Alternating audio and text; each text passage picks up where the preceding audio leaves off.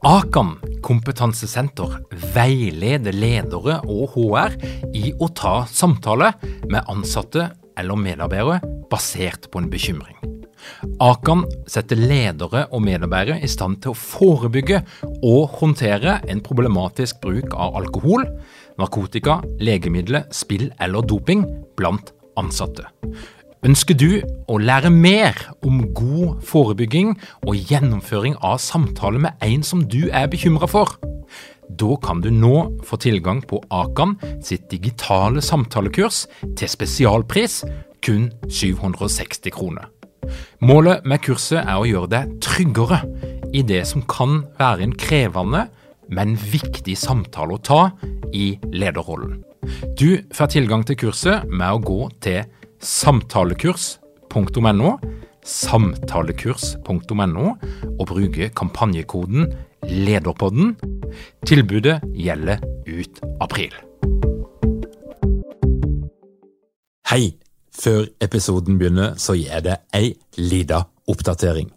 Datoen er nå satt 1.12. klokka 20.00 så lanserer vi lederprogrammet 2021. Det blir møte med ekspertene våre, det blir en eller annen kjent artist, du får snakke med noen av de tidligere deltakerne, og i det hele tatt så blir det en digital fest som er lederprogrammet verdig. Gå inn på lederprogrammet.no hvis du vil være med på festen.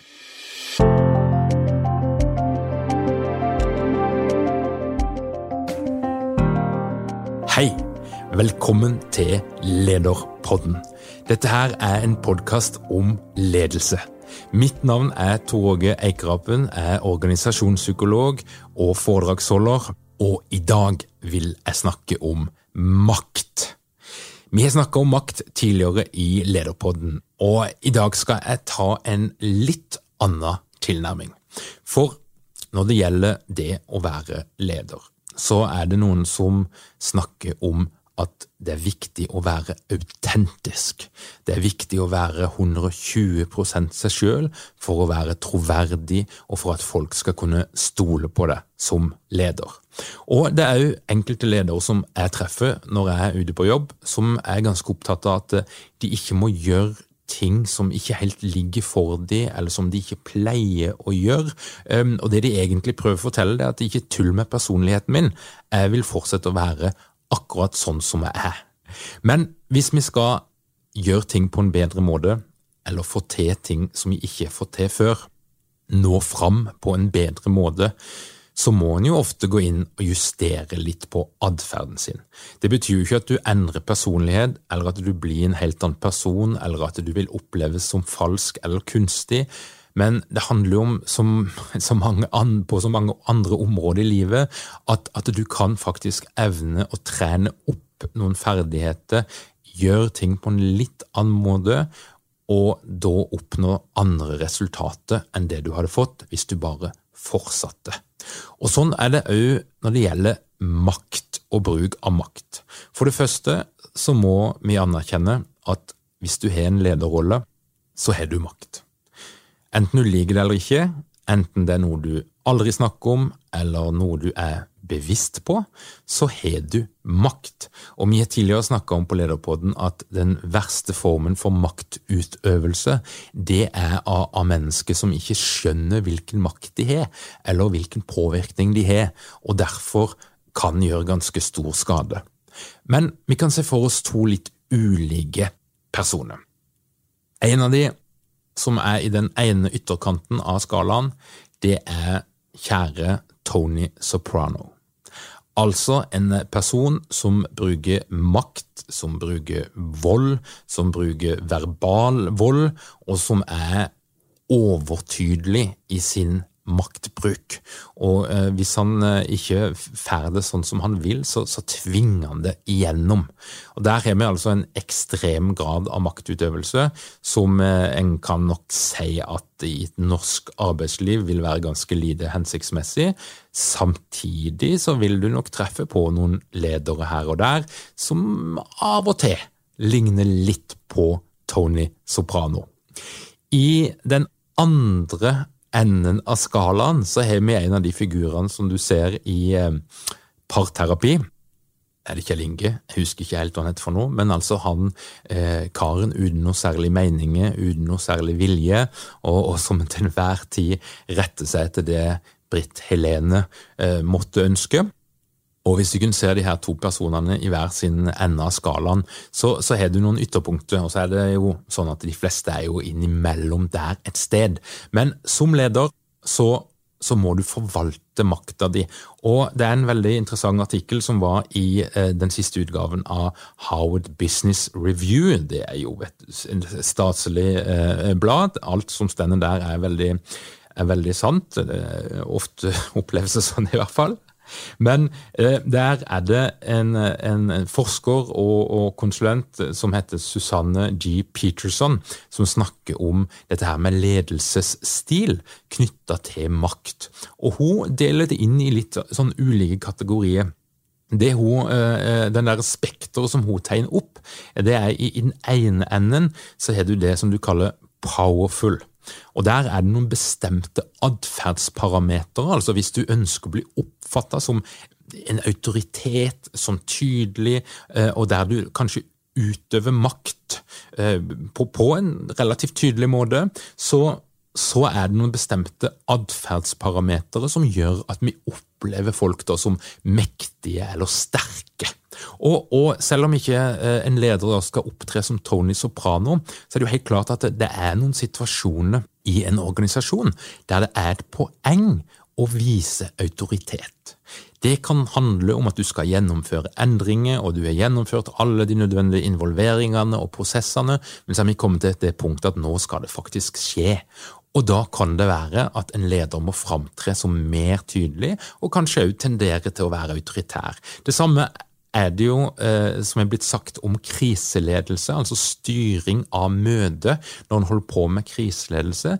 Der er det òg behov for ledere som tør å bryte igjennom, tør å være tydelig og tør å ta en streng regi. Altså bruke autoriteten sin for å skape et mer effektivt møte, som da er eh, bedre, en bedre form for møte når det er krise og ting skal skje fort, og en må ha enkle kommandoer. Så i noen sammenhenger så vil det være fordelaktig for en leder å kunne mobilisere eh, autoritet. Eh, og i den andre enden så vil du jo ha enkelte ledere som jeg eh, møter på, som, som, sliter litt med å vise autoritet. Som eh, eh, Peterson hun beskriver det som den sida der av, av skalaen som attractive eller likeable, sympatisk. Den eh, er altså hyggelig, men eh, ikke så mye autoritet. Og ledere som, som forsvinner litt, som stadig blir overkjørt, oversett. Du merker at folk hører ikke på denne lederen. Jeg snakker med en del kvinner i byggebransjen for eksempel, som er rundt forbi i møte, og, og unge kvinner som da møter litt eldre menn. Eh, og uansett hvem som da sitter med lederhatten på seg, så er det noen av de som forteller om sånn type opplevelse der, der de blir rett og slett overkjørt. De blir utfordra, og det er gjentagende. Og I den situasjonen der så er det ikke sikkert det hjelper å mobilisere og begynne å bruke et maktspråk eller hersketeknikk eller hva det skal være. Men en ting i hvert fall som, som jeg tror er ganske sikkert, det er at skal du være en effektiv leder i, spesielt i endringsprosesser, men også mer i det daglige, så er det et poeng at du klarer å mobilisere noe autoritet og, og, og gjøre det tydelig at du faktisk sitter med en viss makt som leder. Men de, de lederne som kanskje har det vanskeligst, da, det er de som er litt stuck. Eh, litt, eh, litt, sånn plassert i, i den ene eller andre sida. Og det som hun, Peterson beskriver, det er at for å, å være en effektiv leder, så må du kanskje klare å flekse litt mellom de her to ulike måtene å utøve makt på. Altså, du må kunne flekse mellom det å vise og bruke makt, og på den andre sida eh, legge deg mer bakpå, være mer lyttende eh, og der du ikke bruker så veldig mye makt, og der du senker din egen status og din egen autoritet. Og Hun beskriver altså ledere som har en fleksibel ledelsesstil, der de klarer å tilpasse sin forvaltning, sin bruk av makten, til hvilken situasjon de, er i. Ja, de vil ha større eh, sjanse for å, lykkes. Og Hvis jeg skal ta og, og um, gi en beskrivelse av noen av de her atferdsparametrene som Peterson beskriver, så, så i denne, hun, hun deler det inn i som jeg sa, powerful og attractive. Og så har hun da delt det inn i verbal stil. Altså på, på, på, hvilken måte snakker du hvis du er i den ene eller andre kategorien. Eh, den nonverbale kommunikasjonen din og såkalte statusmarkører. Og hun, hun, skriver at den, eh, hvis du er på den powerful-sida, eh, der, der, du er, trekker mer mot en, en tydelig autoritet, så er du mer eh, formell i stilen din. Du, du, kan gjerne overkjøre andre eller, eller avbryte andre. Eh, hun skriver også noe om at du, du, kan bruke hendene dine, altså det er tydelig eh, kroppsspråk, negativt kroppsspråk, med, med, at du peker på folk, du rister på hodet ditt, du er mindre høflig, og en sånn litt spesiell ting, du tar ikke notater i møte eller i samtale med andre. Det er òg et statussignal. en statusmarkør. Du har ikke noe å lære, derfor tar du ikke notat, eller det er ikke så viktig for deg, eller du tenker du har en sånn overdreven tro på din egen hukommelse. Det sender uansett et signal i hvert fall om at den andre ikke er så viktig for deg. Så da er vi altså på den, den powerful sida. De har dere mange ledere uten trening eller utdannelse innen ledelse? Mangler dere en felles kultur og praksis for ledelse? Ønsker dere å være bedre rustet for fremtidig vekst og endring? Da kan et internt lederutviklingsprogram være en god investering. I Execu så er vi eksperter på å designe og gjennomføre bedriftsinterne lederutviklingsprogram. Hvis du ønsker å lære mer om hvordan vi kan hjelpe dykken til å få enda bedre ledere, ta og klikk deg inn på execu.no.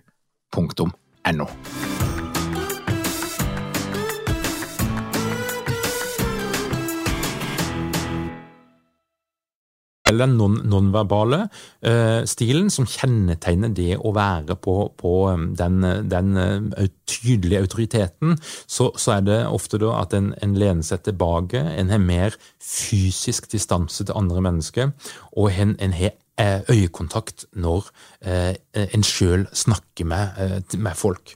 Og eh, det er òg en tendens til å stirre litt, og litt alvorlige uttrykk i ansiktet. Og òg det at du snakker samtidig som du beveger deg vekk ifra den du snakker med.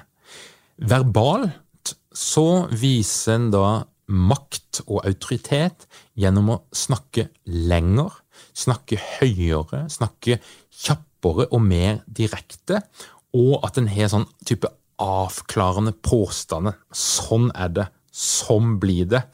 Og en har færre såkalte word fart, sånn type mm, vel, du vet, eh, på en måte, eh, liksom.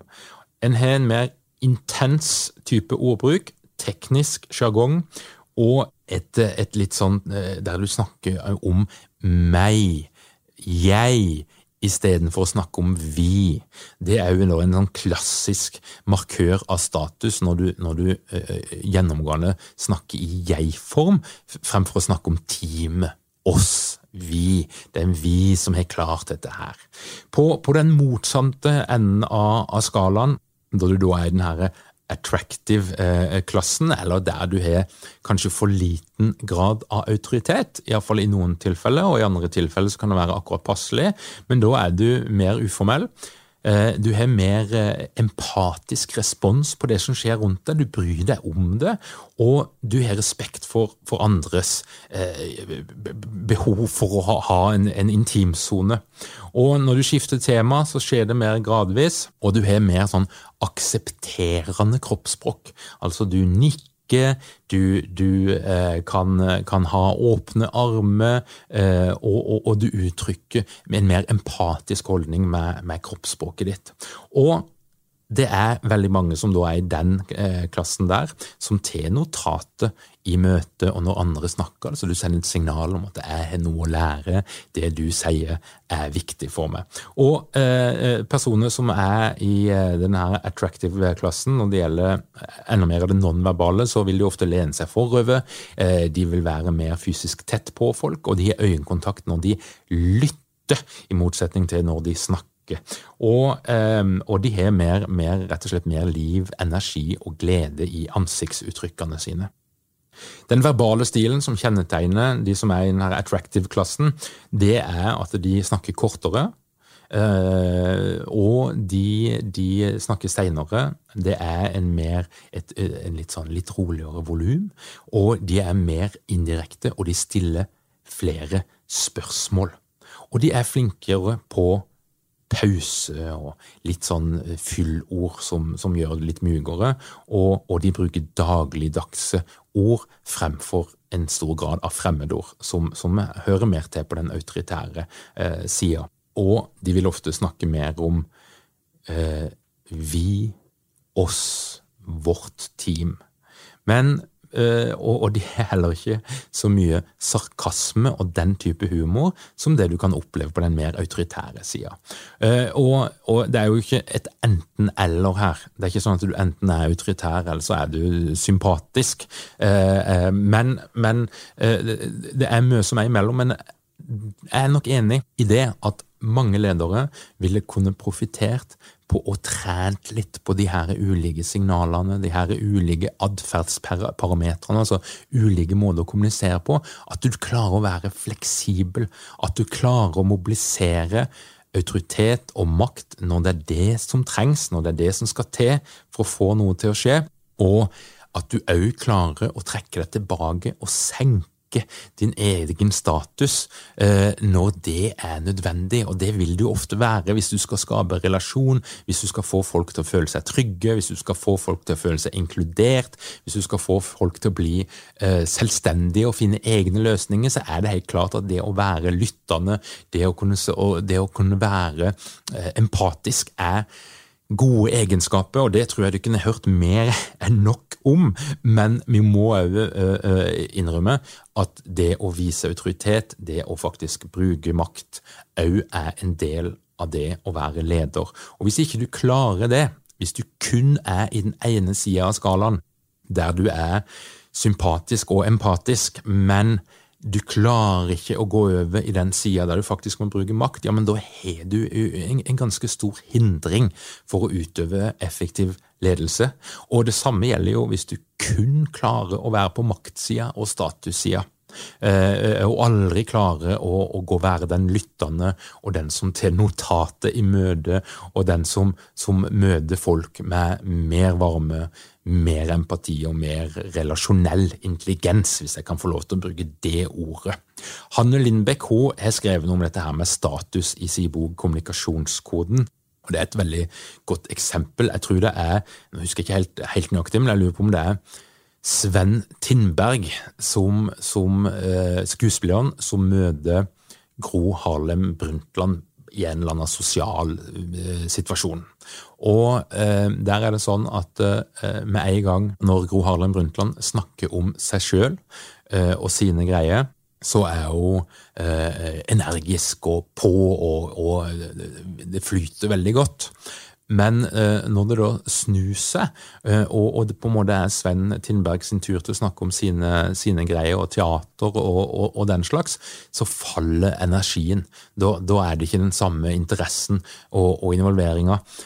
Og, eh, og, det handler jo om altså klarer du, takler du som leder at du i noen situasjoner eh, har en høy status og, og bruker den, men klarer du også å senke statusen din? i andre tilfeller. Sånn at, at, at du, du, gjør deg sjøl til den mindre viktige, og får da noen andre til å skinne. Og klarer du å bevege deg mellom de to, altså høystatus og lavstatus? Det er jo et sånn spennende perspektiv på utøvelse og forvaltning av makt i en, en lederrolle. Eh, til slutt så, så, vil jeg jo bare si at, at dette her, dette her tema makt det er jo da noe som er litt underkommunisert, etter min mening. Vi snakker for lite om det.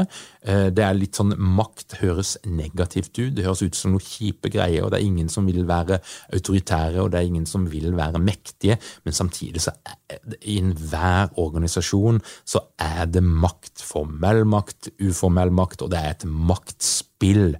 Noen steder ser du det tydelig, noen andre steder er det subtilt, men dette her foregjenger. Og jeg tenker jo at som leder så må du erkjenne at du har makt, eh, og du må òg være bevisst på hva eh, gjør du med den makta, hvordan forvalter du det. Og eh, det som du kan få ut av, av dette her, denne teorien eller dette her konseptet som er gått gjennom Susanne G. Peterson, som handler, handler altså om lederstil, det, det, er jo at hvis du, hvis du stadig får reaksjoner på at du eh, utøver for mye makt, eller du er for tøff eller for krass, så kan jo dette her eh, konseptet, rammeverket, gi deg et par tips om hva du bør trene deg på og gjøre litt mer eller gjøre litt mindre av. Og det samme hvis du, du opplever at ikke du har autoritet, at folk ikke hører på deg, at du blir overkjørt, ignorert, så tror jeg jo òg at du har et par ting å trene på når det gjelder det å vise autoritet og tydelighet på en fornuftig måte. Så sjekk dette her ut. Eh, jeg setter, legger inn en eh, link i shownotes, så kan du kunne ta en liten titt. Og Det handler altså om kommunikasjon, det handler om status, det handler om makt, og det handler om at vi alle er en del av en eller annen form for maktspill i en organisasjon. Tusen takk for at du hørte på Lederpodden, og som jeg nevnte, 1. desember så braker det løs med lanseringsfest av lederprogrammet 2021, og du kan melde deg på på lederprogrammet lederpodden.no. Hvis du har lyst til å bli eh, gjort oppmerksom på forskjellige ting som vi gjør i regi av Lederpodden eller Execu, som er det nye firmaet som, som vi nå har etablert, så kan du gå inn på lederpodden.no og, og legge igjen din e-postadresse. Så vil vi holde deg oppdatert om alt som skjer når vi har livesendinger og webinarer og det ene og det andre andre, altså lederpodden.no. Lederpodden, vi eh, prøver å være den beste podkasten om ledelse i Norge, og, og eh, rangeringa vår på iTunes den ser ut som at vi, er i ferd med å, klare det, men vi er veldig glad for alle som rater oss og, og deler og sprer det glade budskap om Lederpodden. Igjen, tusen takk for at du hørte på.